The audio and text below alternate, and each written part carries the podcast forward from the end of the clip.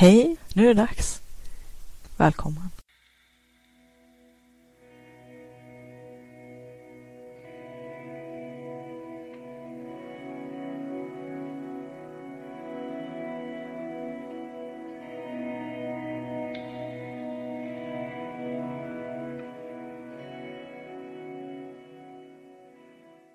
Vill du uppleva mera kreativitet och flow, få mer kvalitetstid till ditt skapande och kreativa liv, mer energi och lust, tillgång till dina kreativa superkrafter? Då har du kommit helt rätt. Välkommen till Kreativitetspodden. Hoppas att du ska ha en trevlig lyssning. Du lyssnar på det nionde avsnittet. Jag tänkte att jag skulle göra tio eller elva avsnitt innan jag sjösätter den här podden och det börjar närma sig. För att eh, det som är det vanligaste med podcastar är att de inte överlever sitt tionde avsnitt. Så jag tänkte att det skulle finnas en liten buffert att ta av. Men eftersom att jag har gjort eh, ganska många avsnitt här eh, på kort tid så tror jag att det nog ska gå att eh, få ihop en eh, podcast med ganska jämna uppdateringar. Det är min, min förhoppning i alla fall. Idag tänkte jag att vi skulle prata lite grann om eh, att frigöra sig. Det är ju någonting som jag kämpar ganska mycket med just nu.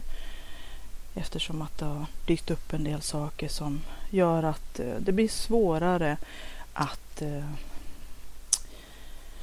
att frigöra sig helt enkelt från tankar och funderingar kring en del problem som har uppstått och som jag har pratat om i en tidigare podcast. Men det är väl just det som är tricket. Och jag tänkte att vi skulle prata lite mer om det strax.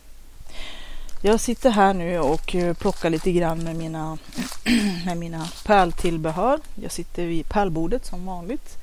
Det lyser en eh, svag sol bakom eh, lite molnslöjor och solen har når knappt över trädtopparna nu.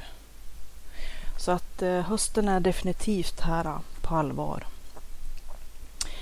Och jag tänkte att eh, jag skulle berätta hur produktiv jag har varit. Det låter ju väldigt, eh, väldigt eh, pretto kanske, men eh, jag måste ju säga med en viss förvåning. Jag sitter här och, och plockar lite grann med påsar. Ni kanske hör det i bakgrunden.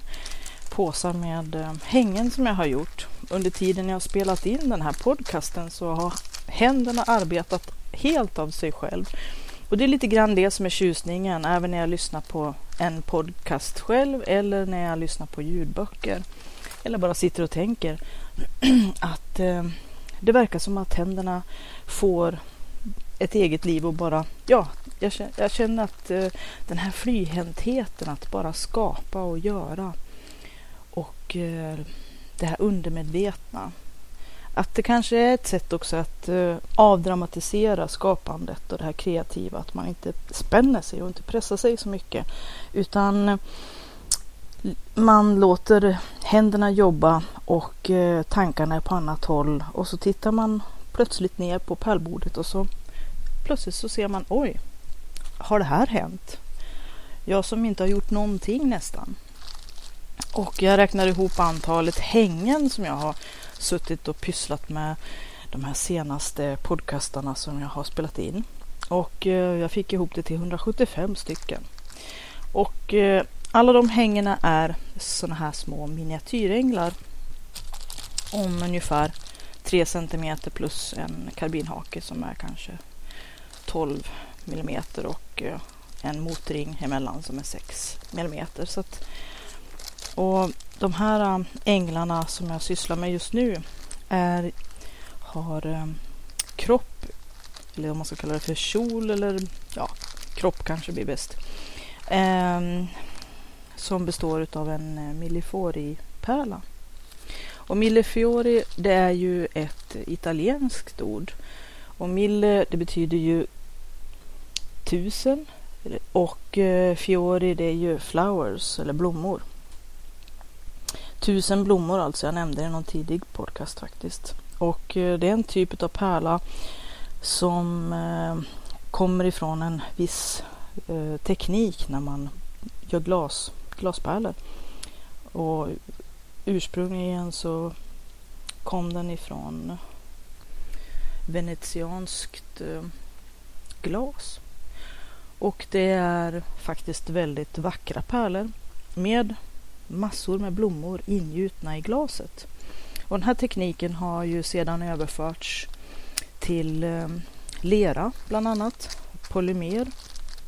Många som sysslar med, med eh, senitlera och, och polyclaylera gör eh, den här typen, använder den här typen av teknik.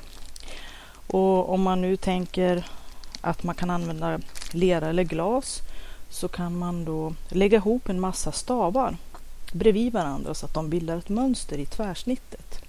Jag hoppas att jag gör mig förstådd här. Och eh, resultatet, ja det kan bli vad som helst. Det kan ju bli blommor eller stjärnor eller katter eller vad som helst. Det beror ju på hur finurlig man är när man lägger ihop de här eh, glas eller lerstavarna och låter dem smälta samman eller kablas samman. Och eh, sen kan de dras ut eller kavlas ut så smalt eller som man vill ha dem och kapas upp i lämpliga delar. Så jag tänkte att eh, det skulle komma en eh, ny vara i butiken. Ett gäng med sådana här vackra Millefiori fjärilar. Så att om du har tur så kanske jag hunnit sjösätta det i butiken innan den här podcasten eh, sänds. Så att eh, är du intresserad så kan du gå in på www.sidharta.se och eh, klicka på butiken så kommer du till butiken där jag säljer pärlor och böcker. Böcker för närvarande och eh, vem vet i framtiden kanske det även kommer att komma fotoprodukter eftersom att jag fotograferar och har en hel del väldigt vackra bilder som jag även har sålt till, till tidningar och fått betalt för. Samma sak med mitt skrivande. Jag har ju skrivit en hel del artiklar till olika tidningar. Vissa artiklar har jag fått betalt för, andra artiklar har jag skrivit med hjärtat. Så att eh, vill man så kan man ju gå in och titta på eh, mina böckers hemsida. Det finns länkar ifrån eh, sidharta.se så att eh, där kan man se vart någonstans jag har blivit publicerad eller där, där um, artiklar från boksläpp och om mina böcker också kan läsas. Så att eh, det var Millefiori och det var lite grann om fotoprodukter som jag hoppas ska komma kanske i framtiden i butiken. Vi får se, det ligger långt fram i framtiden. Eh, jag tänkte att eh, jag har en liten, liten lapp, en liten fusklapp som vanligt för den här podcasten. Och eh, tänkte prata om just det här med att frigöra sig. Efter att jag hade fått skryta lite grann om hur produktiv jag blir här vid pärlbordet när jag sitter och spelar in. Och det är helt och hållet er förtjänst. Så att, eh, ta åt er äran. Eh, men skämt åsido, jag satt och funderade. Tidigare så, så berättade jag om att jag eh, brukar presentera mig som den tekniska konstnären eller den konstnärliga teknikern, vilket som nu låter värst. Men jag tänkte nu kan jag kanske tillägga att jag, att jag också skulle kunna kalla mig för den pärlande poddaren eller den poddande pärlaren. Och det är också frågan vad som låter värst. Det lämnar jag till er att avgöra och eh, jag tänkte göra lite fler hängen under tiden som jag pratar. Så att eh, antagligen så hör du hur jag prasslar med påsar och eh, jag har också hört att eh, knipset ifrån min tång när jag klipper av hattpinnar och annat hörs. Men eh, jag tror inte att det stör sådär jättemycket. Jag hoppas inte det. Men det här med att frigöra sig eh, är någonting som sagt som jag har brottats rätt mycket med nu på det sista. Och eh, det beror ju delvis på de tråkiga nyheter som jag fick via posten som jag har pratat lite om förut. Och eh, att eh, det är ganska jobbigt att eh, ha vissa saker som är ouppklarade och just det här med att ha saker ouppklarade det är väl det som är svårast att frigöra sig ifrån. Eh, I alla fall för mig. Jag är ju en person som um, har jobbat med problemlösning i hela mitt liv. Och uh, att identifiera problemet, se vilka åtgärder som måste eller ska vidtas och uh, genomföra dem och se till att problemet är löst. Det är ju någonting som jag räknar som oerhört kreativt också faktiskt. Ett mått på kreativitet. Det här med att kunna se saker och ting utanför boxen, se det ur sy nya synvinklar, hitta nya, problem, hitta nya lösningar på gamla problem och eh, att hitta nya kreativa lösningar på sånt som från början verkar ganska olösligt. Men vissa problem, som i det här fallet, som faktiskt är saker man inte kan påverka utan som bara måste ha sin gång. De är ju lite svårare att frigöra sig ifrån, i alla fall för mig eftersom att jag tycker att det är enklare med problem som man som sagt kan identifiera problemet och eh, sedan lösa det och så är man klar med det. Men i det här fallet så har jag gjort, vidtagit de mått och steg som jag måste och som jag kan och sen är det bara att eh, avvakta och vänta på på resultatet från det. Så att det som man inte kan påverka, det är klart att eh, det är lika bra att släppa det och det här logiska att eh, inse. Jag har gjort vad jag kan just nu i det här skedet och nu är det bara att vänta och då får man lov att eh, försöka lägga det på, eller som jag sa tidigare, the back burner som det heter på engelska. Lägga det lite på i bakkanten på spisen att koka lite i lugn och ro medan man sysslar med resten av livet eller att tillaga resten av måltiden om man nu ska fortsätta med den liknelsen.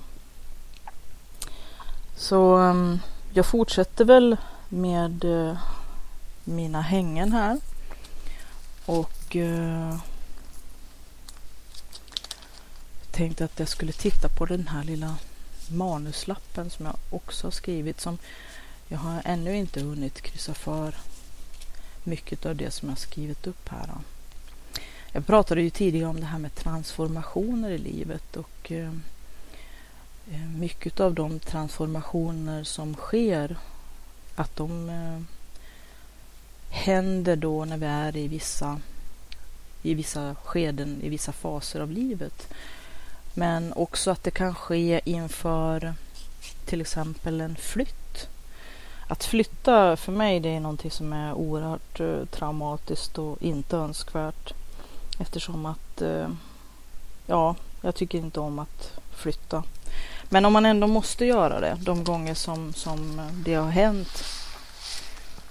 Jag har ju flyttat rätt mycket i mitt liv när jag var yngre men på senare tid så har jag väl varit tämligen bofast och väl rotad i de, i de senaste bostäderna som jag har haft och eh, där jag bor nu har jag bott i, i 11 år och eh, trivs väldigt bra.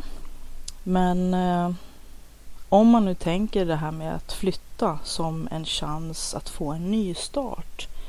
Lite grann en, eh, en clear init som vi skulle kalla det.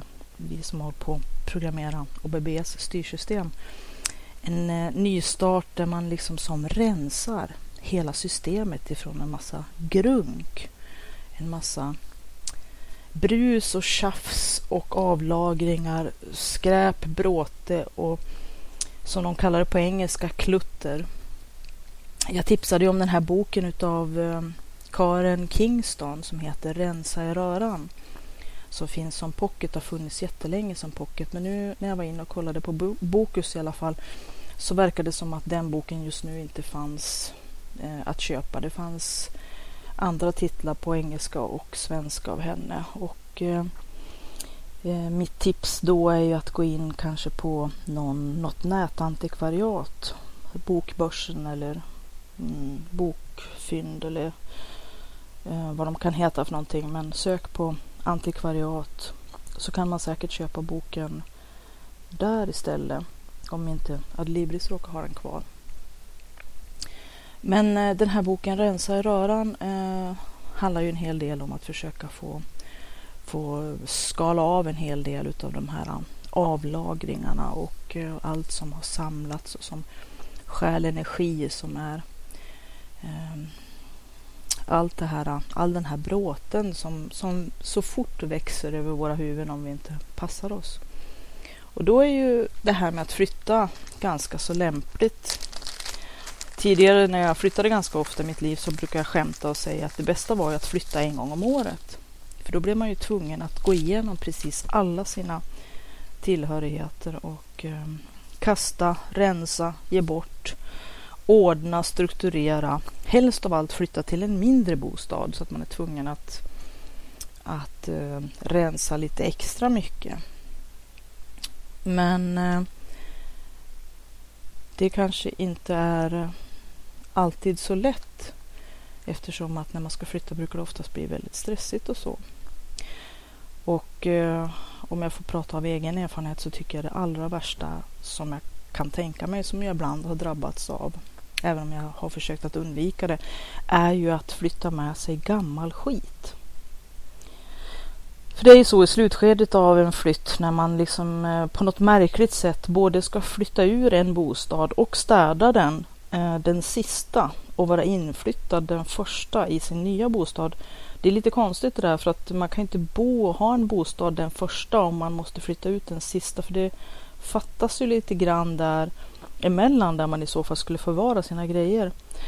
Eh, men eh, ofta brukar man ju lyckas hitta någon, någon överenskommelse eller någon deal med den som, som ska flytta in eller den som ska flytta ut ur den lägenhet man ska flytta till och sådär.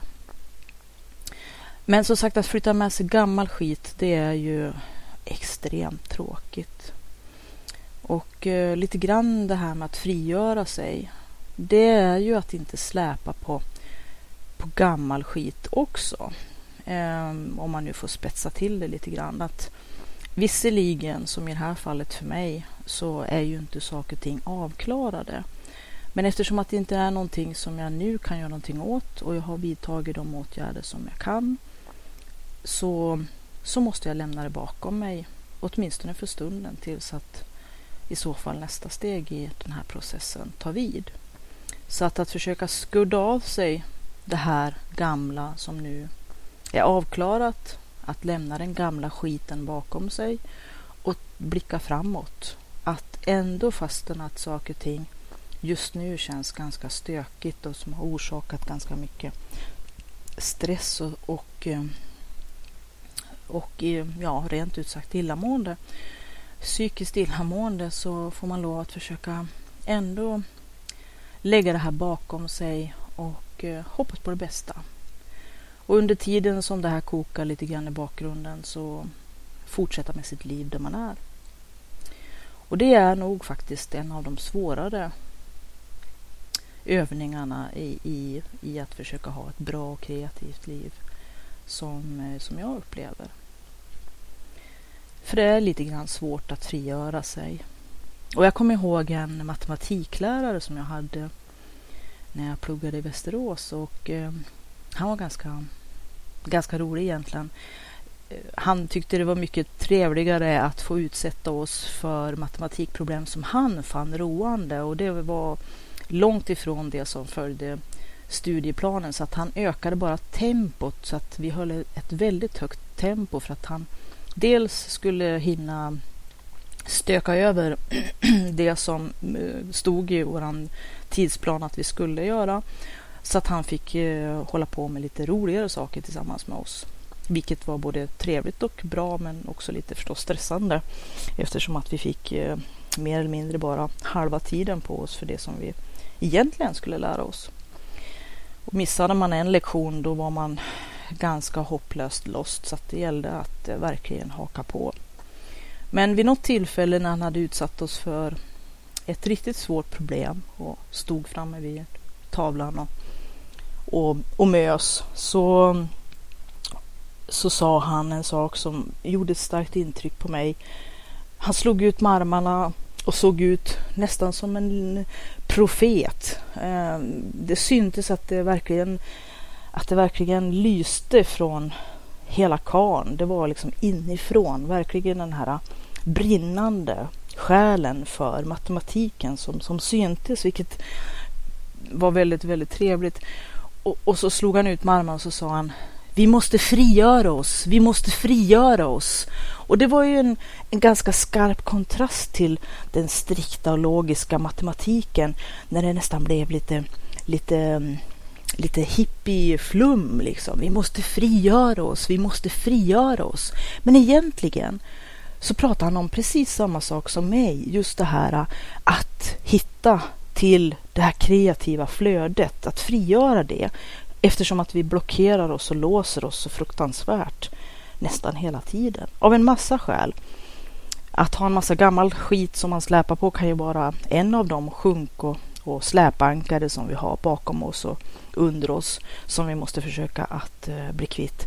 Men eh, också en förmåga att trots att det är ett visst motstånd och att vi kanske blir stressade och det är saker som inte precis jobbar för oss och som inte gynnar oss eller som rent av känns som så mycket friktion och konflikt och sånt som helt enkelt utgör stora hinder. Att vi inte får göra det till de här, de här mentala murarna som vi så snabbt bygger upp kring allting och gör det så svårt för oss själva onödigt svårt kanske jag ska tillägga, för vissa problem är ju verkligen svåra att lösa. Och det är där vi behöver våran riktigt, riktigt kraftfulla kreativa energi och styrka och mod att våga tampas med utan att eh, vara färgade eller ha fördomar som gör att vi tror att det är omöjligt som Tigger i Nalle Puh skulle ha sagt att lösa dem. För det är också en annan sak som jag lärde mig rätt mycket när jag jobbade som eh, reparatör, elreparatör och hade ganska komplexa maskiner, stora, stora valsverk att eh, reparera och laga bland annat. Vi hade ju väldigt mycket olika sorters maskiner. Ehm, och det jag kom på då, det var ju att eh, dels kunde man stå och stirra sig blind på ett problem som man hade hetsat upp sig själv att uppfatta som oerhört svårt och ogenomträngligt och eh, långt över ens förmåga att kunna lösa. Och det var ju också naturligtvis fullt möjligt att det kunde vara så emellanåt. Ehm, men inte så ofta som man har en tendens att eh, lätt börja tro när man inte löser det på en gång. Och när man har stått och stirrat på kretsschemablad länge och man har testat och mätt och man har tagit reda på allt och provat alla möjligheter och uteslutit en massa saker, försökt cirkla in kring problemet och hitta roten till det onda och lösa det.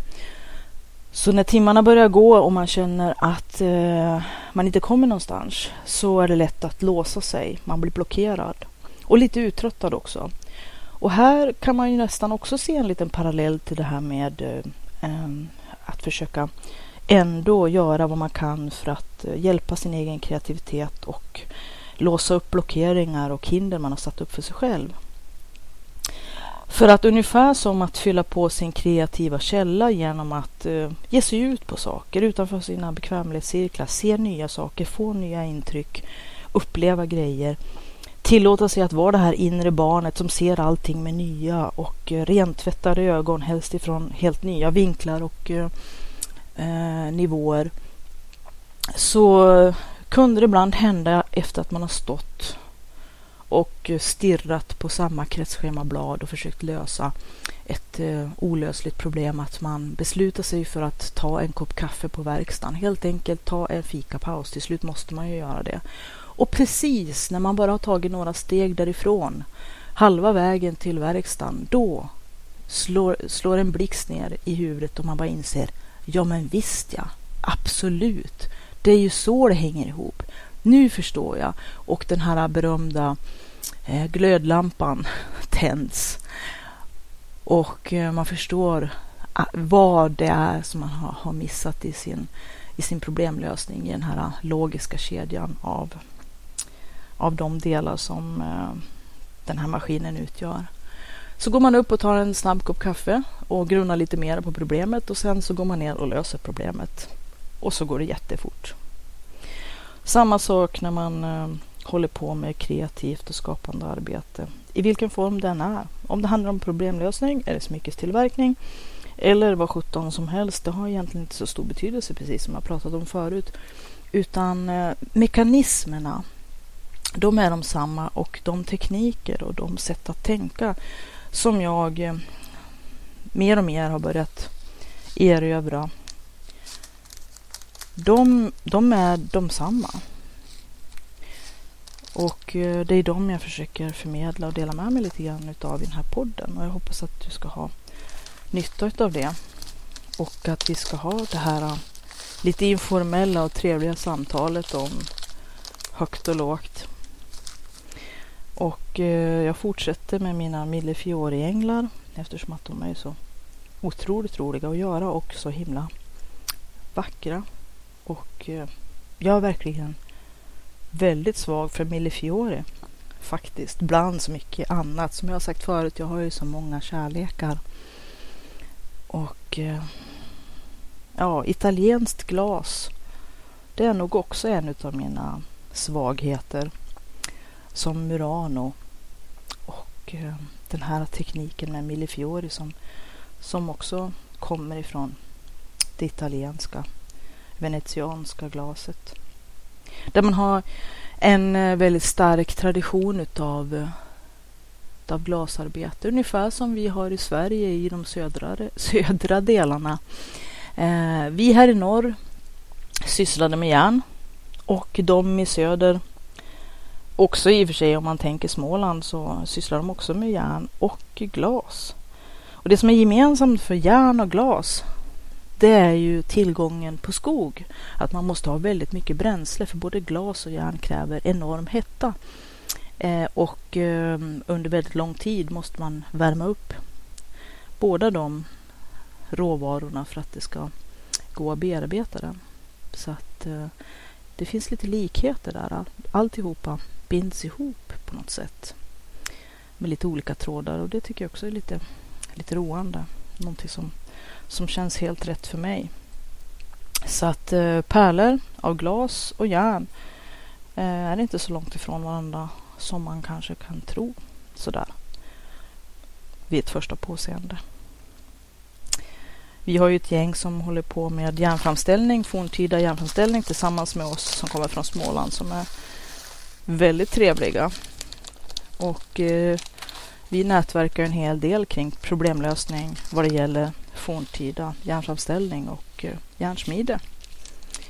Och eh, jag har ju pratat en hel del om, om det här med att nätverka och eh, utbyta kunskaper och erfarenheter med andra människor. Och där har vi utvecklat ett eh, väldigt fint förhållande så att under många, många år, två gånger om året, så kommer de till oss, eh, åker 175 mil sammanlagt för att eh, vi ska göra järn ihop i skogen. Vilket jag tycker är helt fantastiskt. Och det är härliga människor att umgås med. Speciellt eh, att sitta sen vid lägerelden nere vid sjöstranden och eh, diskutera dagens eh, järnframställningsförsök och eh, järnsmide och järnframställning i största allmänhet. Och en hel del av det här informella kunskapsbytet och erfarenhetsutbytet som sker under ganska avslappnade förhållanden. Även där kan man se den här viktiga grejen med att kunna frigöra sig genom att eh, låsa upp mentala blockeringar. Att den här avspända miljön när vi i princip bara snackar skit inom citattecken så kommer det fram så himla mycket nytt. Och man eh, kopplar ihop nya trådar med varandra intuitivt. Och det är då som många av de här aha-upplevelserna, de här eh, riktigt stora lösningarna eller liksom sånt som man har brottats med länge plötsligt kan uppenbara sig. Det är lite grann som eh, en, eh, också ett sätt att bestämma sig för att eh, ta en kaffe, gå iväg på en fika vila hjärnan lite grann från det här, det här problemlösandet. Åtminstone som man tror, det aktiva problemlösandet. Men eh, då när vi bara kopplar av, tänker att vi ska ta en kopp kaffe eller i vårt fall sätta oss ner vid stranden och grilla någonting. Så, så fortsätter hjärnan att arbeta undermedvetet med eh, det material som vi har i form av redan erhållna kunskaper och erfarenheter som kokar lite där på the back burner Baktill på spisen medan vi håller på och grejar med någonting annat. Lite grann avledande manöver kanske. Och så sen så har vi då vips trollat bort de här mentala murarna, de här hindren eftersom att vi, vi kopplar av tanken på de här omedelbara problemen och så sen kan det ibland bara slå ner en blixt eller den här glödlampan tänds och vi bara inser, nej men det är ju så det hänger ihop. Och när man gör det tillsammans med andra personer, andra människor i grupp så är det ju ännu mer tillfredsställande faktiskt. För att då har man ju någon att dela glädjen med att man har insett något nytt, fått en ny informationsbit, fått en ny, eh, Eh, ett nytt redskap eller ett nytt verktyg i sin, verk, sin, sin verktygslåda, eh, fått en ny insikt, löst ett, löst ett gammalt eller ett svårt problem tillsammans. Så att eh, det är något som jag varmt kan rekommendera. Även om jag själv sitter väldigt mycket själv, arbetar väldigt mycket själv. Och det är väl kanske också därför som jag ser kontrasten och verkligen kan uppskatta och njuta utav att nätverka. Att göra saker och ting tillsammans med andra i mindre eller större grupper. Och att eh, den här, jag brukar kalla det för korspollineringen av många olika tankar, erfarenheter, kunskaper och den här, det här eh, avslappnade samtalet. Det kan leda till så himla mycket. Och ibland väldigt oväntade saker. Nya kontakter, nya uppslag, nya idéer, nya lösningar på helt andra problem eller problem man inte visste att man hade. Och ny insikt om en väldig massa saker. Och allt det här går ju igen eftersom att jag har en hel del olika eh, verksamhetsområden och kommer ifrån en ganska så gedigen eh, teknisk bakgrund med problemlösning som, som huvudsak. Så, mm, så har jag sett de här mönstren väldigt tydligt och eh, kunnat dra strecken mellan en massa punkter som eh, rör just det här med problemlösning och eh, kreativitet.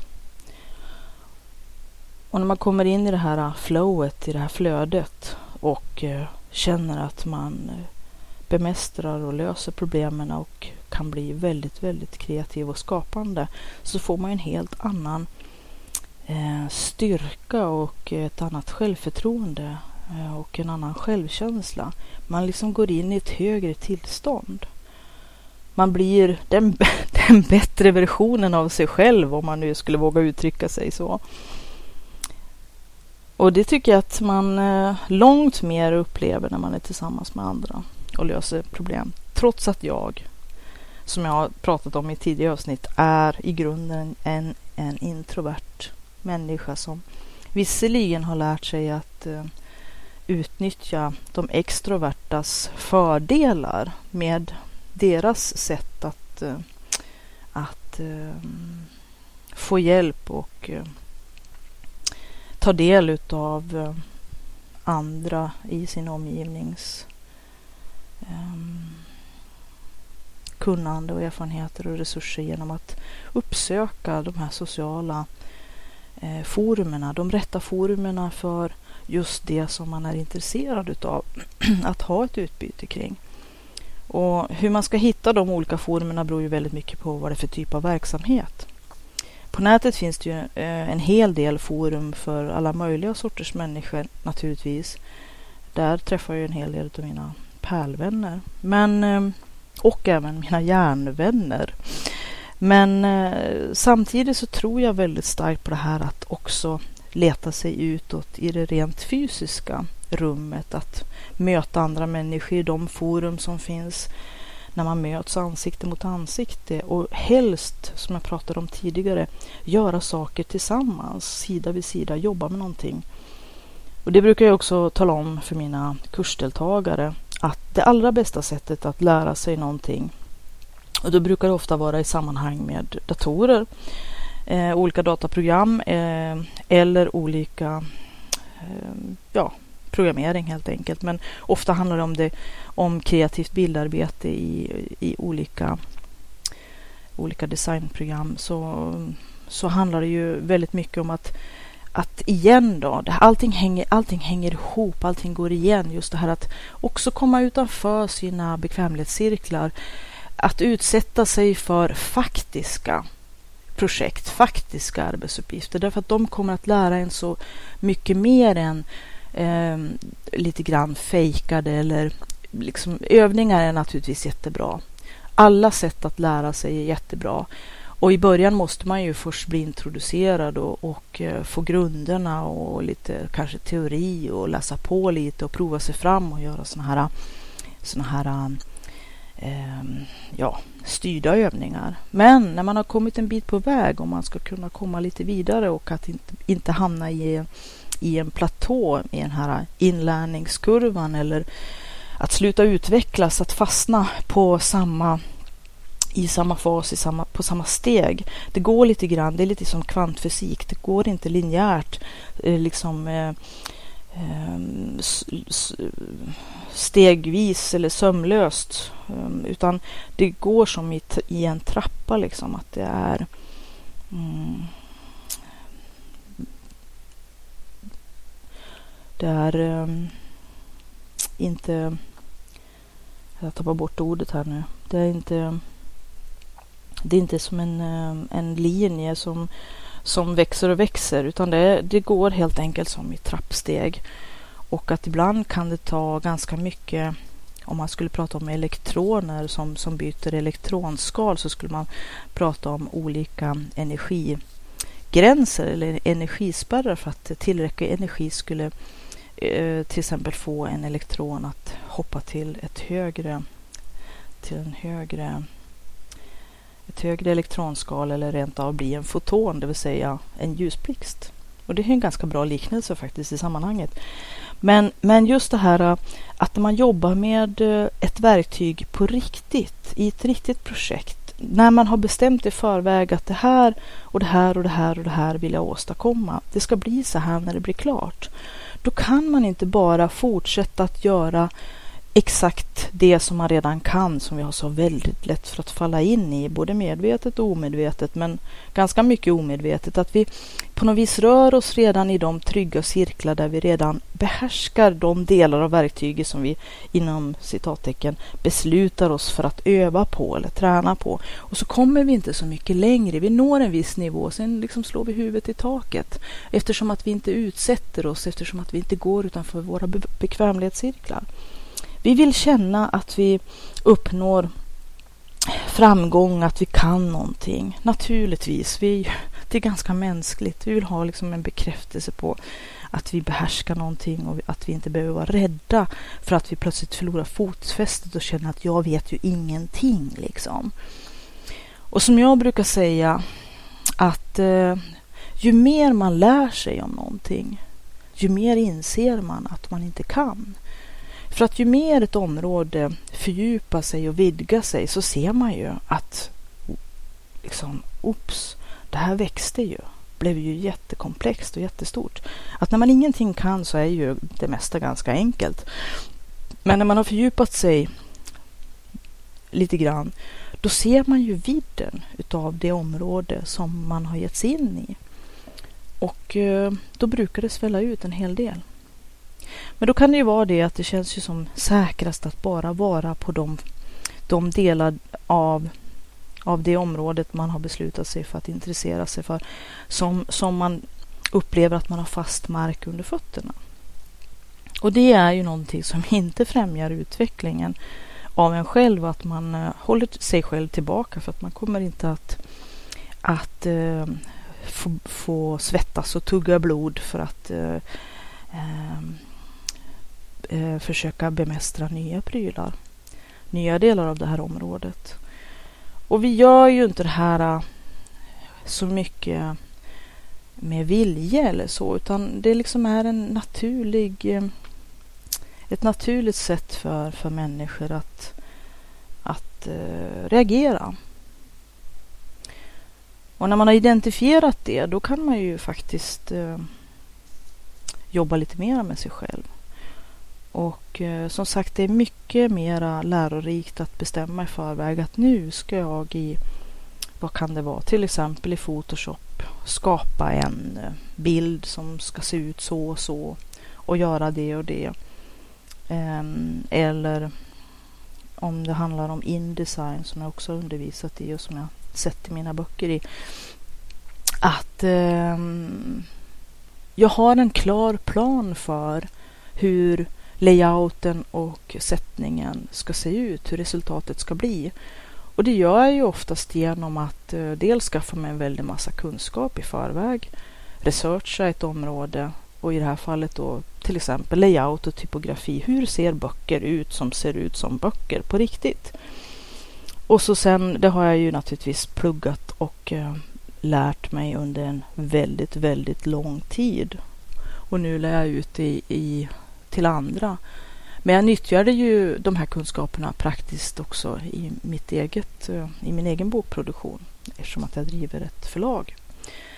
Men eh, när jag då har en klar bild av hur en ny bok ska se ut rent layout och designmässigt och även hur användaren eller läsaren ska kunna maximalt har nytta av och ta del av bokens innehåll. Då när de delarna är klar och jag har strukturerat upp innehållet och vet kapitelindelning och hur varje uppslag och sida och varje komponent av boken. Det, det är ju så bildsidor till exempel kan ju se helt annorlunda ut än textsidor och ett nytt kapitel ser ju helt annorlunda ut än ett kapitelslut och en sida med renodlad text kan ju se ut på ett visst vis och eh, hur ska bildtexterna se ut? Hur ska en faktaruta se ut och sådär.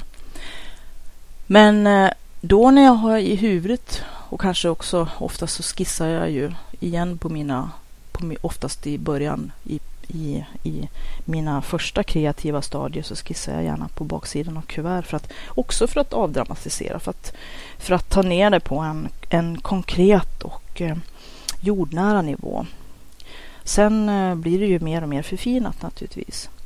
Men eh, när jag då har en väldigt tydlig bild och skiss av hur, hur en boksida till exempel ska te sig, då utsätts ju, ju jag för utmaningen att förverkliga det.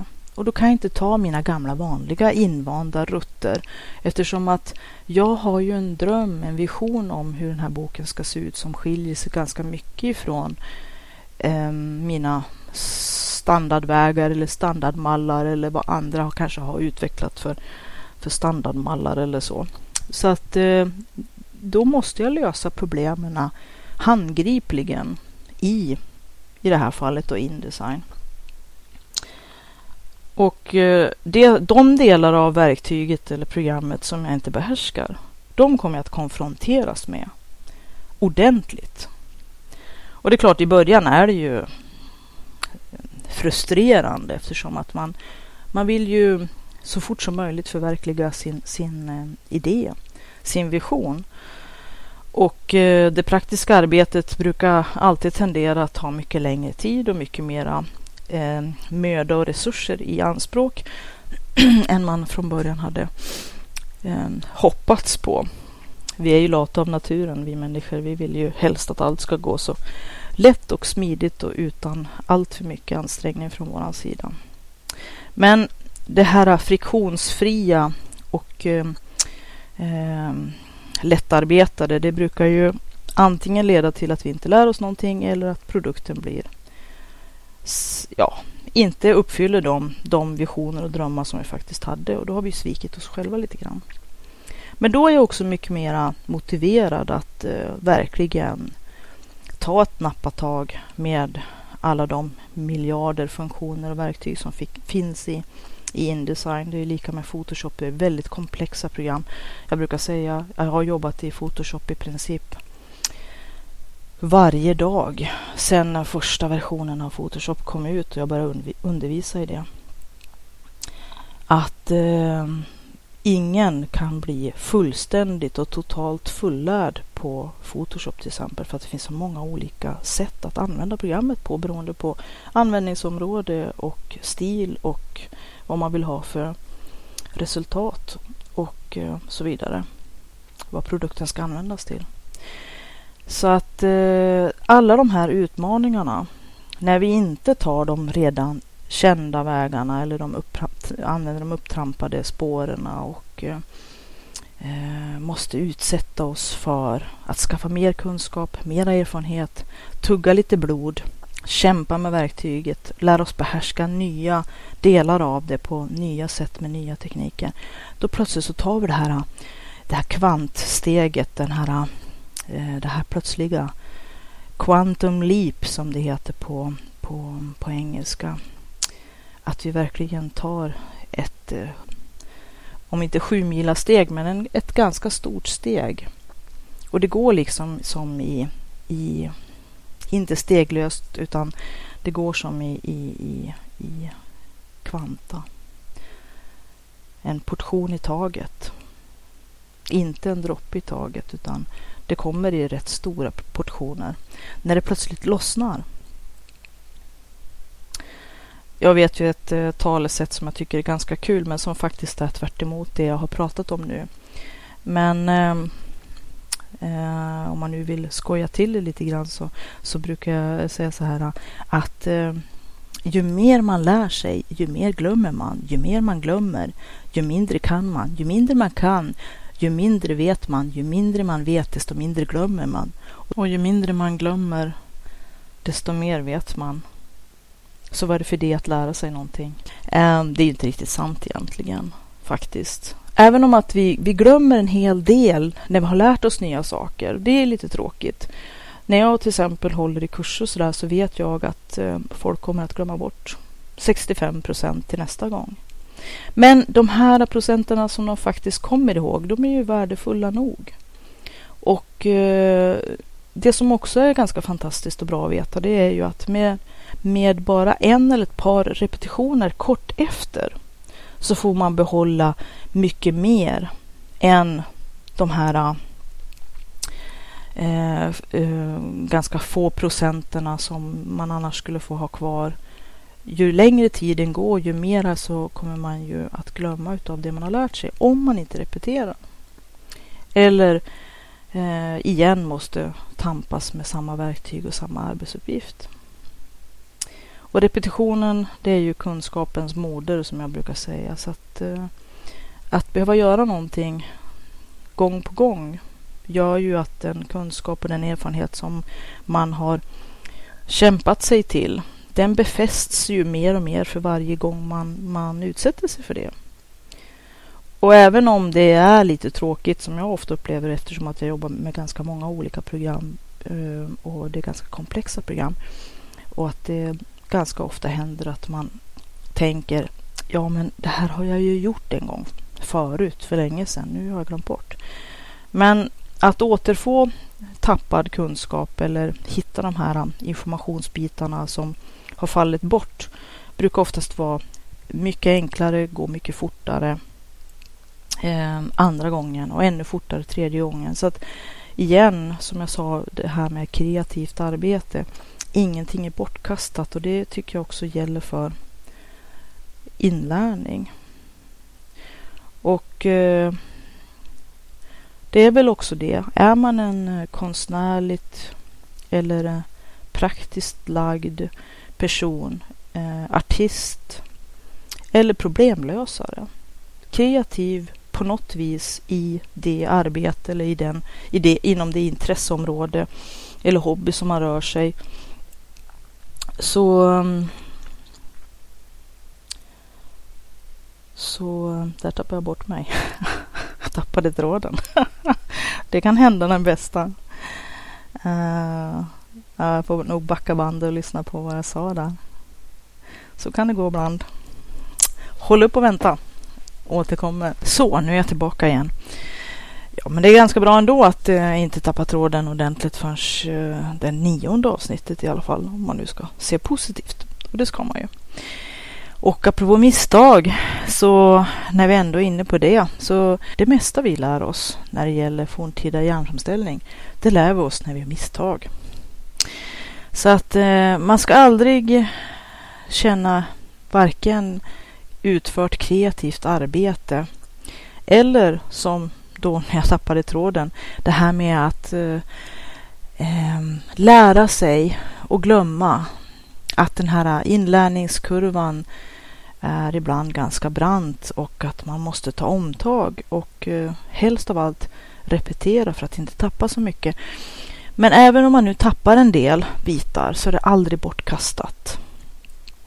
Och kunskap i alla fall enligt min erfarenhet, eh, liksom kreativt arbete som man kanske från början inte riktigt fick någon användning för, som visade sig vara ett sidospår eller någonting som inte ledde dit man hade tänkt sig, eller som vart lite överskottsinformation eller lite grann utöver den nivån man hade behov av just då.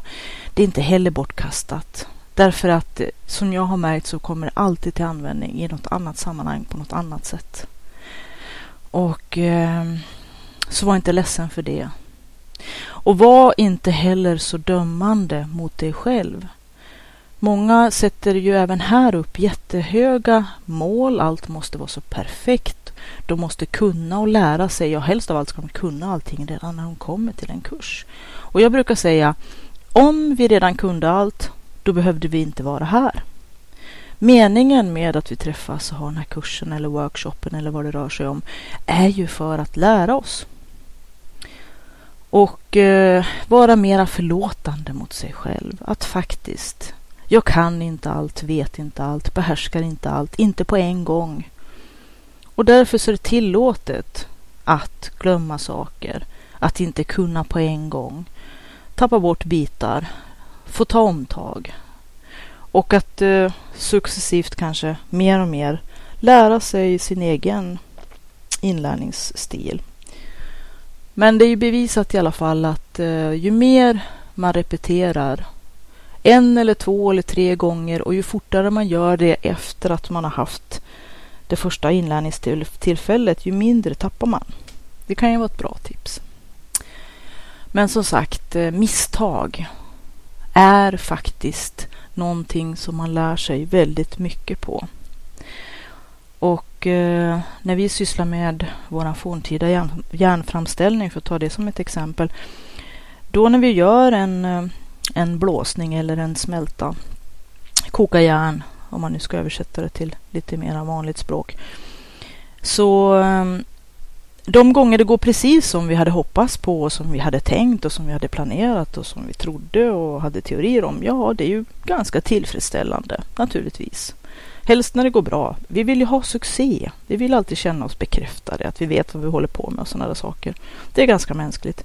Men vi lär oss inte så mycket. Allt blev ju som vi hade tänkt. Vi är fortfarande innanför våra bekvämlighetscirklar. Det är väl lite grann det rör sig om igen. Liksom så här. Vi får det förutsedda och önskade resultatet.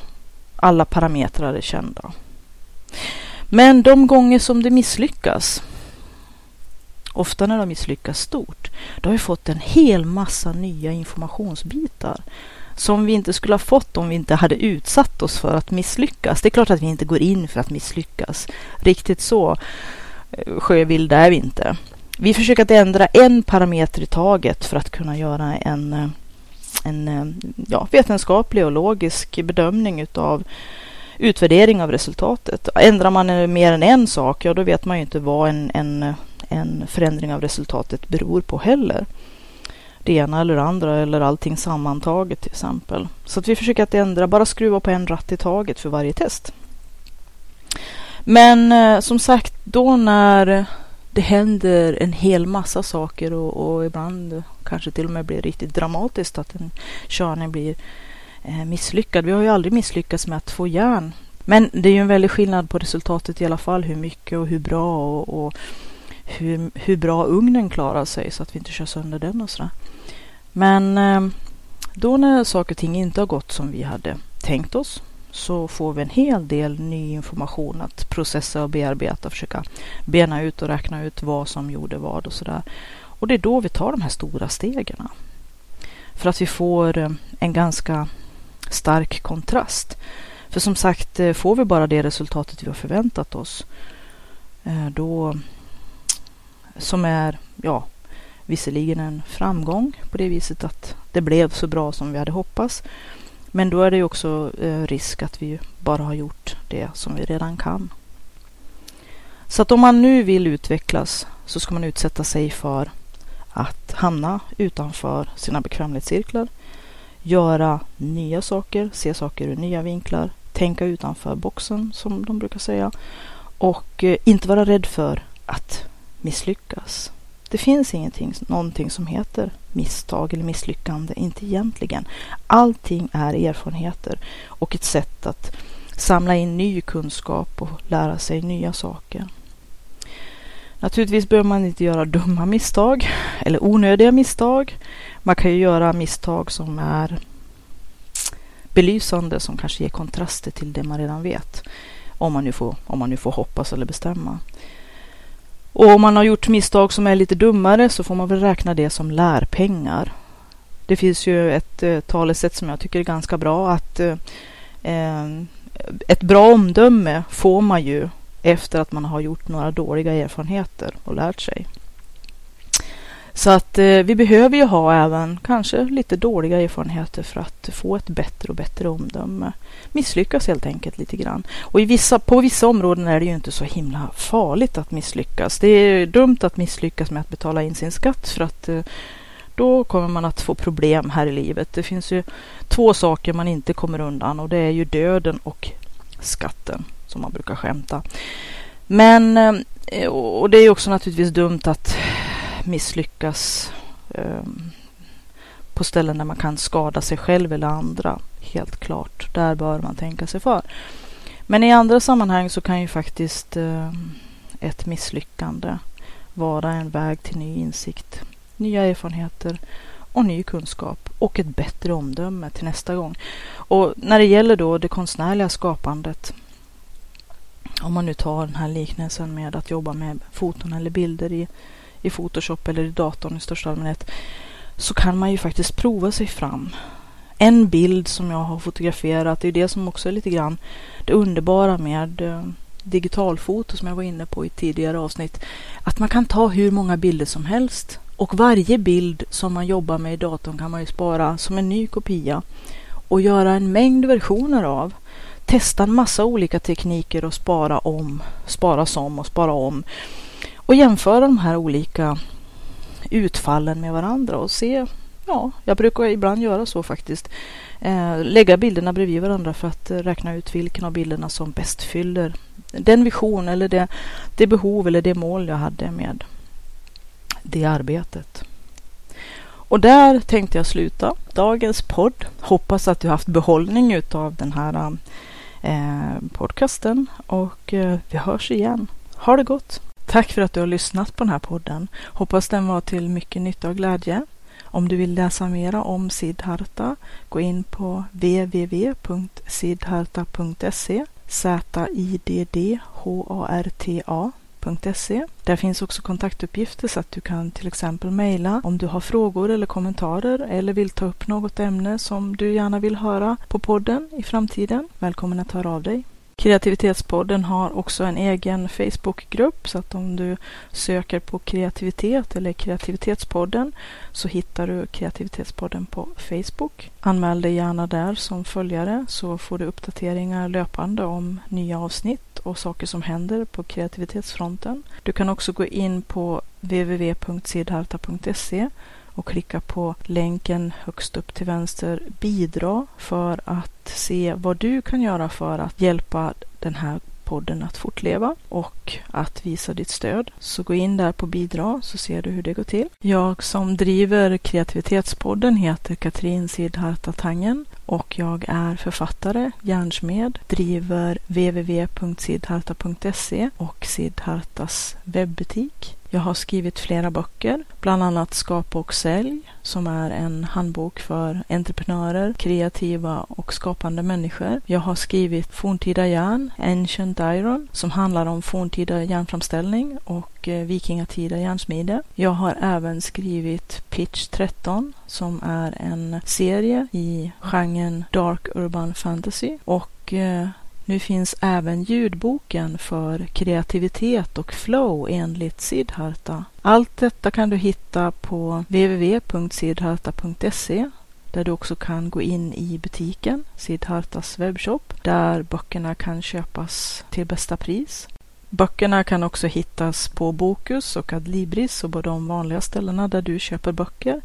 E-böckerna kan också köpas via Kobo och eh, Amazon med flera ställen där e-böcker säljs. Ha det gott. Tack för att du har lyssnat. Hej då!